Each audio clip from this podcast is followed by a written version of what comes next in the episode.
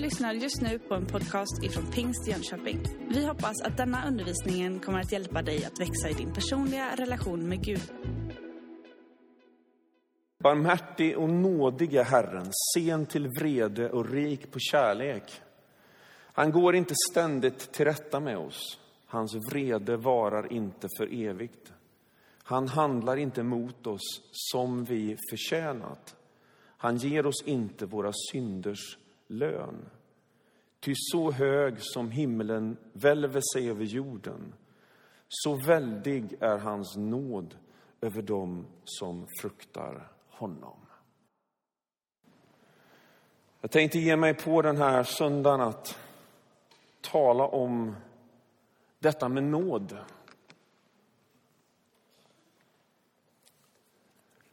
Och eh, ja, jag känner en stor respekt inför det ämnet för att det handlar ju om kärnan i den kristna tron. Den kärnan i Guds liksom, utsträckta hand och hela Bibelns berättelse handlar ju om, om hur Gud sträcker sig efter människan. Vi tänker ibland att det är vi som sträcker oss efter honom. Att liksom allting kretsar kring oss och hur vi liksom gör och är. Och... Men eh, begreppet nåd, eller verkligheten nåd, sätter hela det perspektivet på ända. Och därför så tänker jag att det måste vara Herren själv som hjälper oss att få tag i det perspektivet och förstå hur han vill omfamna oss och göra någonting i sin nåd med våra liv. Jag bläddrade i en bok här under veckan, en, gam, en, gammal bok, den är väl snart 20 år gammal, som är skriven av Philip Jensi som har titeln Med nådens ögon. Och han har gett sig på att försöka definiera ordet nåd på, med två meningar. Och han säger så här. Nåd innebär att det inte finns något vi kan göra för att få Gud att älska oss mer. Och sen säger han, nåd innebär att det inte finns något vi kan göra för att få Gud att älska oss mindre. Nåden springer fram ifrån Gud. Nåden springer fram ifrån hans hjärta. Nåden baseras inte på dig eller mig, utan den baseras på honom. Och den har visat sin kärlek i korset och när Jesus klev upp där som försoningsoffret för vår synd. Där liksom brast gränserna mellan himmel och jord och kontakten kunde återetableras på samma sätt som det en gång var tänkt att vara när människan skapades. Jag ska försöka säga fem saker idag. Och det första är att nåden, den är den här kärnan. Det mest unika med kristen tro är liksom det här häpnadsväckande budskapet om nåden. Det finns mycket gott i ideologier och delvis i andra teologier. Det finns saker vi kan få tankeställare kring. Men det finns ingen annanstans vi finner det här begreppet och vi finner den här verkligheten som är kärnan i det kristna budskapet, att det finns nåd för dig och mig. Jesus blir ju kritiserad ganska ofta, dels för en del saker han säger, men kanske framför allt för det, det han gör och bland de människor han rör sig. Och vid ett tillfälle, vi kan läsa om det i Lukas 15, så umgås han med syndarna. De här människorna som inte, i alla fall till sitt yttre, kunde visa upp det där som andades fromhet. han blir kritiserad. Äter med syndare, umgås med dem. Och på den här tiden så handlar ju det om att, att eh, med måltidens gemenskap så, så, beskrev, så, så andades man också eh, bekräftelse av den andra människan. Det var inte bara att man åt en måltid tillsammans, utan man också bekräftade människor i sin omgivning. Hur kunde Jesus göra det? Och då berättar han de här tre liknelserna ifrån Lukas kapitel 15. Ni vet om det förlorade fåret, heden som lämnar de 99 i öknen för att ge sig på jakt efter det som var förlorat, försvunnet, bortgånget. Liknelsen berättar ingenting om varför fåret hade gett sig iväg. Där kan vi bara vår fantasi liksom tänka oss i hur det gick till. Men det var inte det som var det intressanta. Det intressanta är inte varför fåret drog iväg. Utan det intressanta i, i liknelsen är det hjärta som heden har för det som är förlorat. Han lämnar de 99 i öknen för att ge sig på jakt efter det som var förlorat. Och när han finner det så läxar han inte upp det och ger det en hulling. Och har en lång radda med liksom förmaningar. Som jag som förälder ibland finner mig själv i en sån situation på grund av frustration, rädsla och oro och, och liksom eh, frustration så får barnen höra ett och annat. Nej, heden tar fåren, lägger det på sina axlar.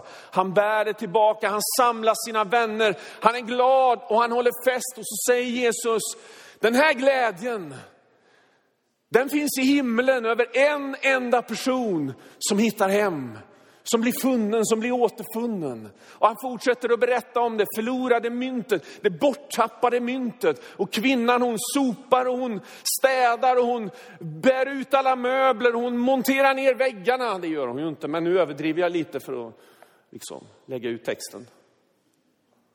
Tyckte ni det var bra?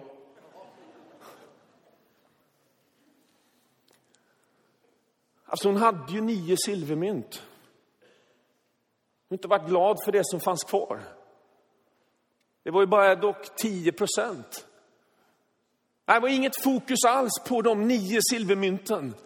Utan det enda hon hade i sitt sinne det var att hitta det som hade tappats bort. Och när hon finner det så samlar hon sina grannar och vänner och så ställer hon till med fest. Och så säger Jesus igen, den här glädjen, den liksom, det, det, det sker i himlen Himlen registrerar. Och jag, mig veteligt finns det inte någon annanstans i, i Nya Testamentet där Jesus så tydligt kopplar ihop vad som händer i, i den himmelska världen med vad som händer här på jorden. Och så berättar han om den förlorade sonen. Och där får vi veta lite mer av hur han tänker och varför han ger sig iväg. Men det är fortfarande inte fokus på sonen i första hand, utan på fadern. Som står där och söker. Och så när han ser sonen på väg tillbaka efter att han har bränt hela sitt arv, halva pappans förmögenhet, på utsvävningar, horor, sprit och elände. Har liksom inte förvaltat vare sig släktnamnet eller pengarna eller någonting. Han liksom blev grisskötare. Kunde inte vara något värre för en i den judiska traditionen att syssla med svinen. Så kommer han illaluktande och eländig. För han får en tanke, kanske kan jag bli en tjänare i, här, i liksom min fars hus och han vänder hem. Men då liksom springer fadern honom till mötes. Och han har liksom ett försvarstal, men han hinner knappt liksom börja med det för han blir omfamnad. Han blir återupprättad, han får ringen på fingret, gödkalven slaktas och det blir fest. För det som var förlorat är återfunnet. Du vet, de här tre liknelserna handlar om kärnan i evangeliet, om nåden. Om någonting som blir bortsprunget, någonting som är borttappat, någonting som har valt att själv kliva ur den liksom, de förutsättningarna som man hade från början. Men inte en enda gång är det förmaning, inte en enda gång är det dom, inte en enda gång är det vad var det jag sa.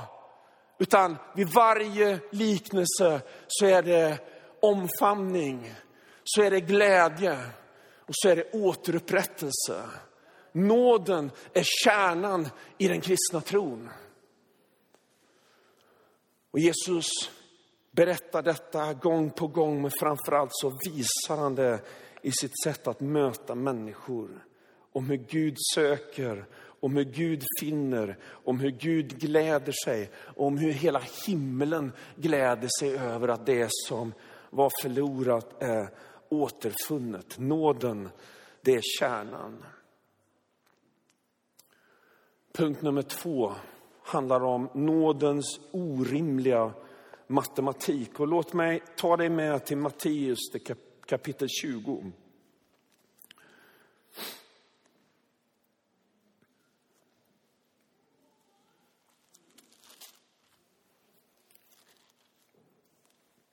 Från vers 1. Med himmelriket är det som när en jordägare vid dagens början gick ut för att leja arbetare till sin vingård. Han kom överens med dem om en dagspenning på en denar och sände iväg dem till vingården. I tredje timmen gick han ut igen och fick se några andra stå och sysslolösa på torget. Till dem sa han, gå bort till vingården ni också. Jag ska ge er skäligt betalt. Och de gav sig dit. Sen gick han ut vid sjätte timmen och vid nionde timmen och gjorde likadant. Vid elfte timmen gick han ut igen. Och när han såg några andra stå där sa han, varför står ni här hela dagen utan att arbeta? De svarade, därför att ingen har lejt oss. Då sa han, gå bort till vingården ni också. På kvällen sa vingårdsägarens, äh, vingårdens ägare till förmannen, kalla samman arbetarna och ge dem deras lön. Börja med dem som kom sist och sluta med de första. De som hade lejts vid elfte timmen kom fram och fick en denar var. När sedan de första steg fram trodde de att de skulle få mer, men de fick varsin denar de också. Då protesterade de och sa till ägaren, de där som kom sist har bara hållit på en timme och du jämställer dem med oss som har slitit hela dagen i solhettan. Då sa han till dem, min vän, jag är inte orättvis mot dig. Vi kom ju överens om en denar. Ta nu vad du ska ha och gå. Men vill jag ge den siste lika mycket som du fick? Har jag inte rätt att göra som jag vill med det som är mitt? Eller ser du med onda ögon på att jag är god? Så ska de sista bli först och de första sist. Helt ologiskt. Alltså vår, hela vårt samhälle bygger på en annan princip. Och det är att man får vad man förtjänar. Du arbetar och så får du lön. Hela vårt system och vår tids tänkande bygger ju på det och jag ser inte någon annan möjlighet att vårt samhälle skulle fungera om det inte var så. Men det är liksom den mänskliga matematiken. Guds nådes matematik räknar på ett helt annat sätt. Det finns egentligen ingen logik i att de sista som kommer in i elfte timmen ska få samma lön som de som har slitit hela dagen. Men det är exakt så som det är i Guds rike. Guds, I Guds nåd så får vi alla del av allt oavsett när vi liksom kommer in i vingården. Det här är liksom inte en berättelse om, om ekonomi, om liksom, som du kan ta till företags, så här, företagsekonomikursen och, och liksom fundera över. För det finns inte ett uns av logik, den sortens logik i den. Utan det här handlar om hur Jesus berättar om hur Gud hanterar oss utifrån sin nåd. Du förtjänar inte någonting i Guds rike. Det är inte så att du får mer välsignelse för lång och trogen tjänst.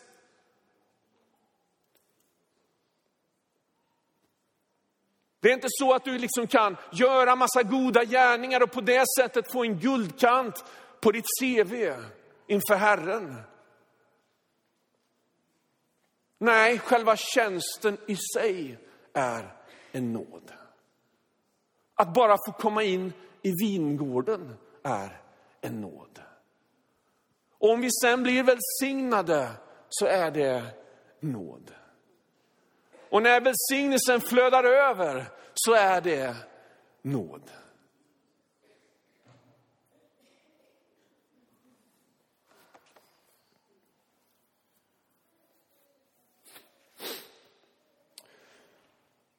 Philip Jensen säger vidare i samma bok, min instinkt säger mig att jag måste göra något för att bli accepterad. Nåden låter så märkligt inkonsekvent, befriande och varje dag måste jag be om lyhördhet för dess budskap.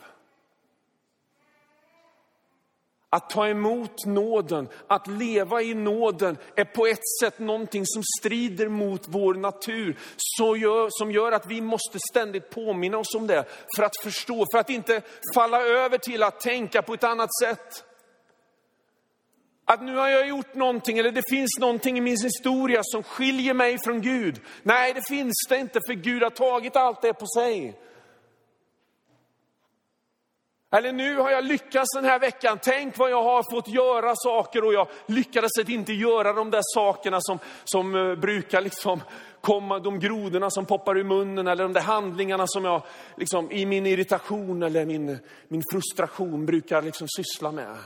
Idag var det, den här veckan var det en bra vecka. Vad härligt. Det kan man ju glädja sig över, absolut. Men det har ingenting med nåden att göra. Det har ingenting med välsignelsen att göra, utan nåden täcker mitt liv oavsett hur det ser ut. Nådens orimliga matematik. Min tredje punkt är att nåden finns där, men den måste också tas emot. Ni vet i Johannes kapitel 8 så finns berättelsen om när Jesus stiger upp tidigt på morgonen, sätter sig och undervisar och folk sitter där och lyssnar. Då kommer fariseerna släpandes med kvinnan som har ertappats med äktenskapsbrott. Och man kan ju undra vart mannen är.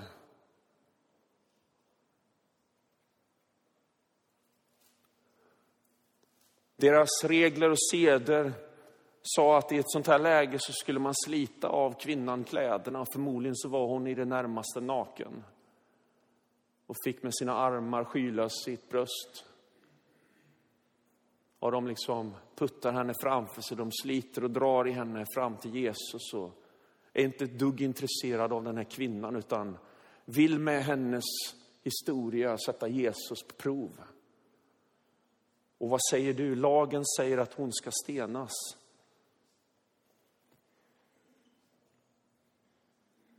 Jesus hamnar i liksom en rävsax där, för å ena sidan så säger Mose lag att hon ska stenas till döds. Men den romerska lagen ger inte utrymme för judarna att döda varandra av religiösa skäl. Så antingen så, vad han än säger så blir det fel. Va? Så då säger han ingenting.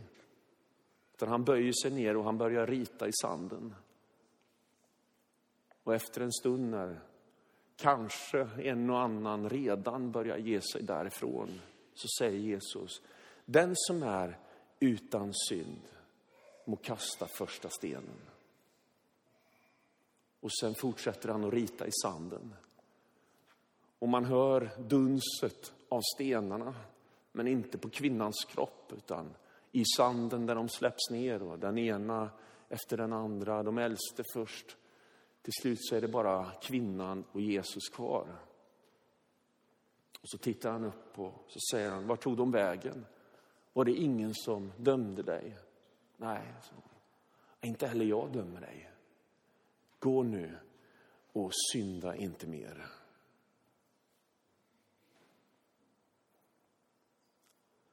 Alltså alla de personerna runt Jesus i den här situationen var i samma behov av nåden.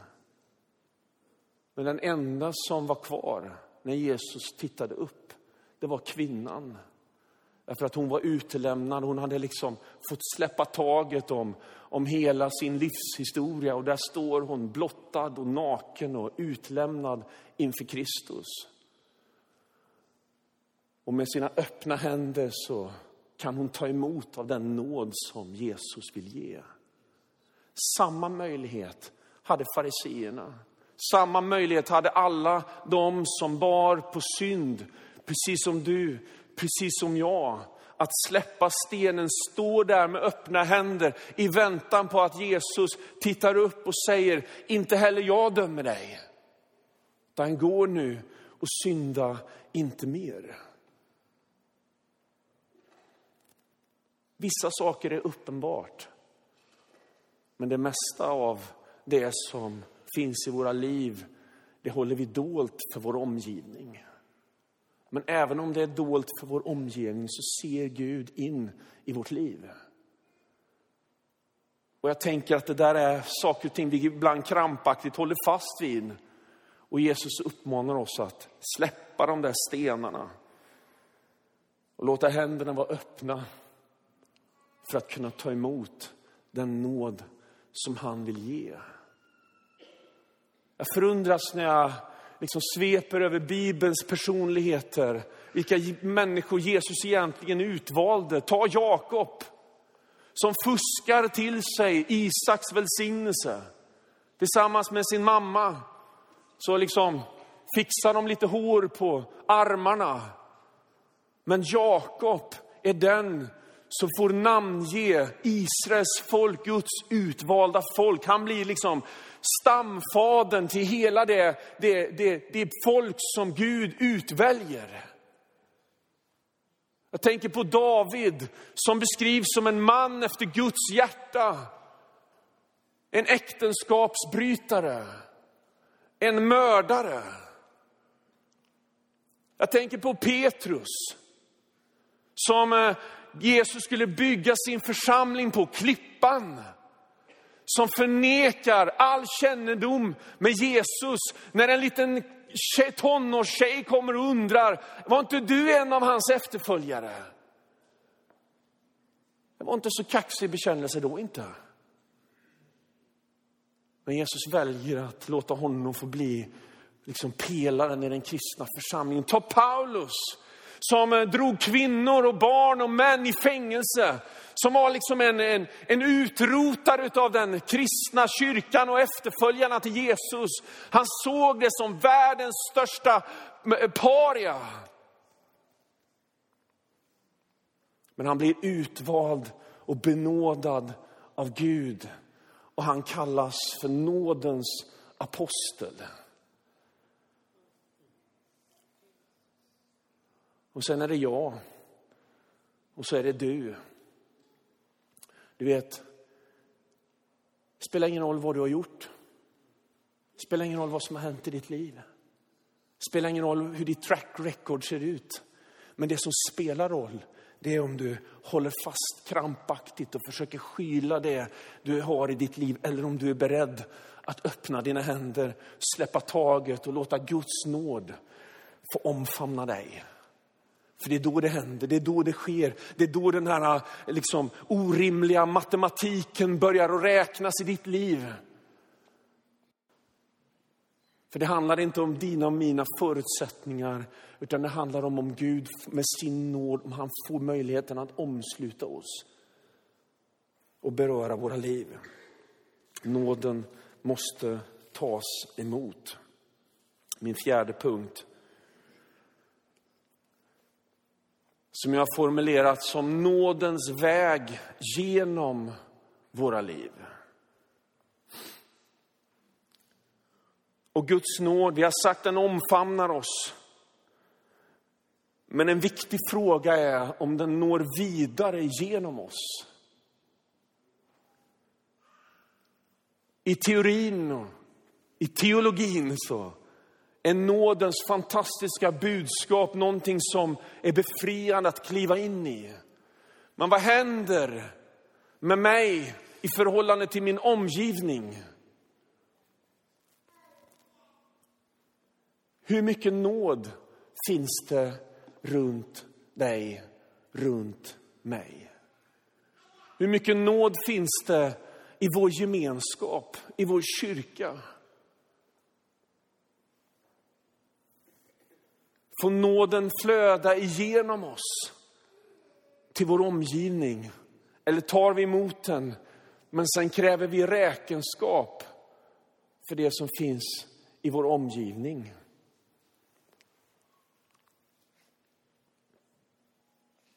Utmaningen är att låta teorin och teologin bli en praktik i mitt eget liv. Och jag tänker att det finns ett viktigt perspektiv som handlar om att vi ser med nåd på vårt eget liv. Du vet, vi tänker ibland att det är andra som dömer oss. Men om vi verkligen ska fundera över det där så tror jag att vi är våra egen domare allra starkast. Vi diskvalificerar oss på grund av vår otillräcklighet, på grund av att vi inte riktigt känner att vi lyckas, på grund av saker och ting som har hänt i vårt liv så ser vi på oss själva med onåd. Och vi känner ett behov av att göra rätt för oss, att ställa saker och ting till rätta. Och den ambitionen är såklart ingenting som strider mot evangeliet. Men allt för ofta så får den oss att ta steget tillbaka, att inte gå ut i vår fulla potential, i det som Gud har tänkt med våra liv. För vi håller tillbaka och vi tänker att, men inte kan väl jag? Hur skulle jag kunna göra detta? Hur skulle Gud kunna välsigna mitt liv? Hur skulle jag kunna ta emot hans nådegåvor? Hur skulle jag kunna tjäna honom? Hur skulle jag kunna göra någonting som har betydelse för omgivningen? Jag är ju sån här. Okej, okay, jag försöker sminka mig och sätta på mig en kavaj och en vit skjorta och dra in magen för att liksom se någorlunda proper ut när jag kommer till kyrkan. Men här på insidan så kan det vara ett fullt kaos.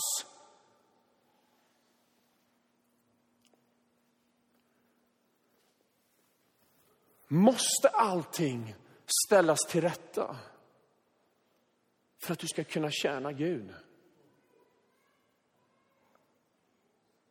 Det tror inte jag. Men jag tror att du måste vara medveten om din brist och din synd och ödmjuk inför den och vilja lämna den till Herren och säga Herre, det här kämpar jag med, men hjälp mig. Men den som inte vågar vara sig själv inför honom, då tror jag att liksom det andliga flödet skruvas av.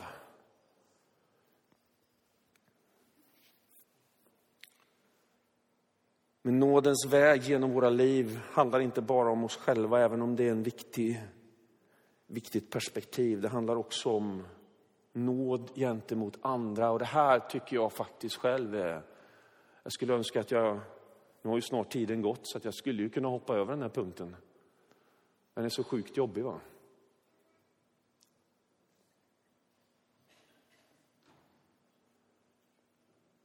För det andra har gjort emot mig, det ska de sannerligen inte komma undan med. Jag har rätt att hålla dem ansvariga. Mina föräldrar, en arbetskompis, en före detta hustru eller make, maka. Mobbarna i skolan.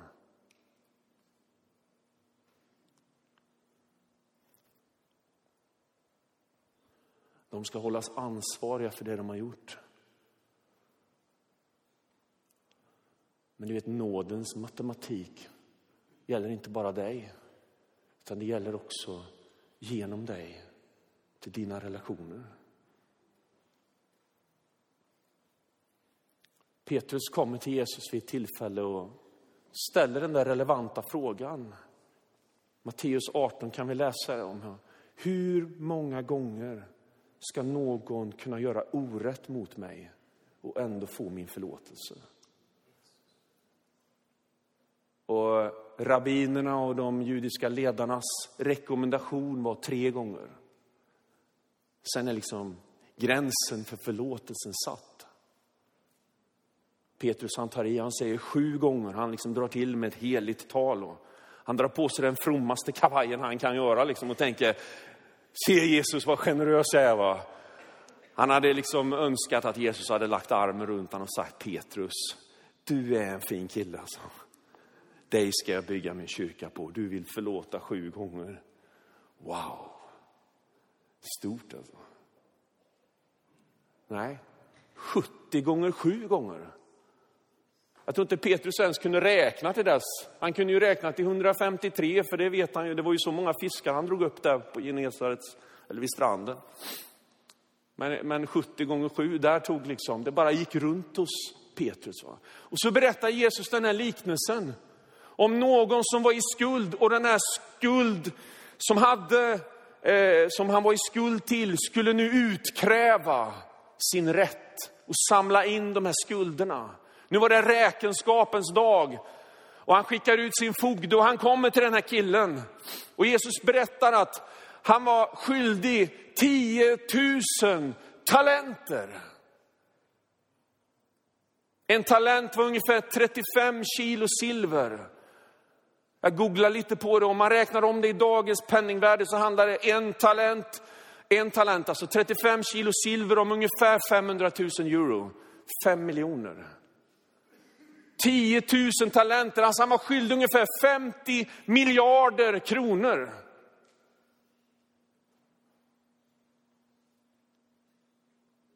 Och han säger liksom, sätt hans familj och allihop i fängelse, för han hade ju inte pengarna. Men då kryper han ner på sina knän och så säger han, ge mig lite tid, jag ska betala tillbaka vartenda öre.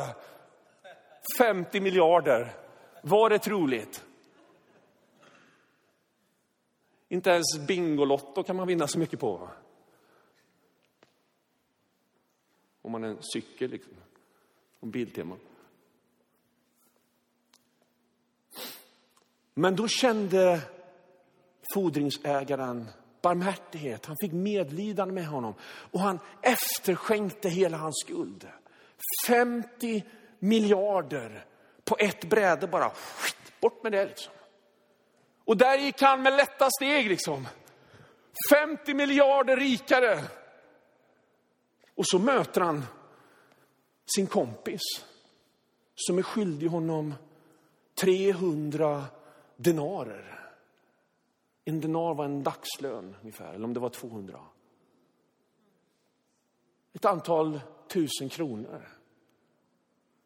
Och han kräver in skulden och han kan inte, den kan inte betalas. Han tvingar honom enligt lag, han har rätten på sin sida, att sätta honom i fängelse.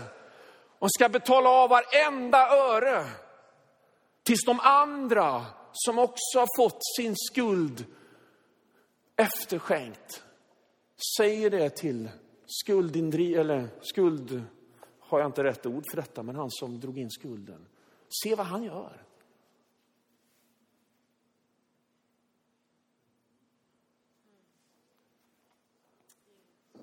Jag tänker att det där är enklare att säga och berätta om än att göra i verkligheten.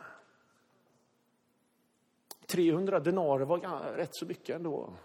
Det var inte lite pengar, men det var fullt återbetalningsmöjligt. Det var en skuld som var relevant, som gick att få igen och betala av. Men du vet, själva berättelsens poäng är att om du har blivit efterskänkt med hela din skuld, hur kan du då i din tur kräva skulden, att skulden blir betald från din nästa? Jesus tar upp det här när han talar om eh, bönen, vår fader. Han säger så här att förlåt varandra. Ty om ni inte förlåter varandra, då kan inte Gud förlåta er.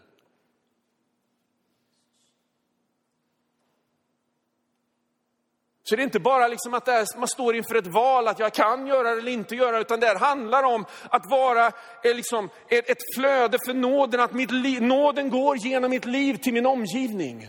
För gör den inte det, så har den inte gjort något med ditt liv heller. Säger Jesus typ. Och då känner jag bara, gode Gud. Liksom. Herre hjälp mig. Jag ser att det finns tankar som kommer i mina mörka stunder. Saker som har hänt och ibland är det faktiskt, jag kan vara ärlig och säga att det finns saker och ting som är ganska långt bak i min historia. Som ibland poppar upp och jag börjar nära den där tanken för det finns någon slags energi i att liksom tänka de där måtte det gå illa. Liksom. Eller, tänk vad han gjorde mot mig. Och så känner man liksom att det finns någon slags adrenalin i den där tanken som ger någon slags energi. Men du måste släppa taget om det. Va? Du vet det Jesus säger här, det, det, handlar inte om att vi öppnar upp för människor att såra oss. Att det är okej okay att, att de mobbar dig på din arbetsplats eller på din skola. Eller att du blir slagen av din man eller din fru. Eller att det någonting annat händer. Det är liksom inte en, en, ett, en, ett generöst rum för allsköns ondska över ditt liv. Men det handlar om när det har hänt. Det handlar om dig och inte om de andra i första hand. Det handlar inte om att du ska sätta dem fria, utan du ska sätta dig själv fri. Förlåtelsen handlar först och främst inte om min nästa, utan den handlar om mig själv. Sen kan vi behöva försonas. Och sen, sen kan vi behöva återfå förtroendet. Du har just lyssnat på en podcast ifrån Pingst Jönköping. För att få reda på mer om vilka vi är och vad som händer i vår kyrka så kan du gå in på pingstjonkoping.se eller följa oss på sociala medier via pingstjkpg.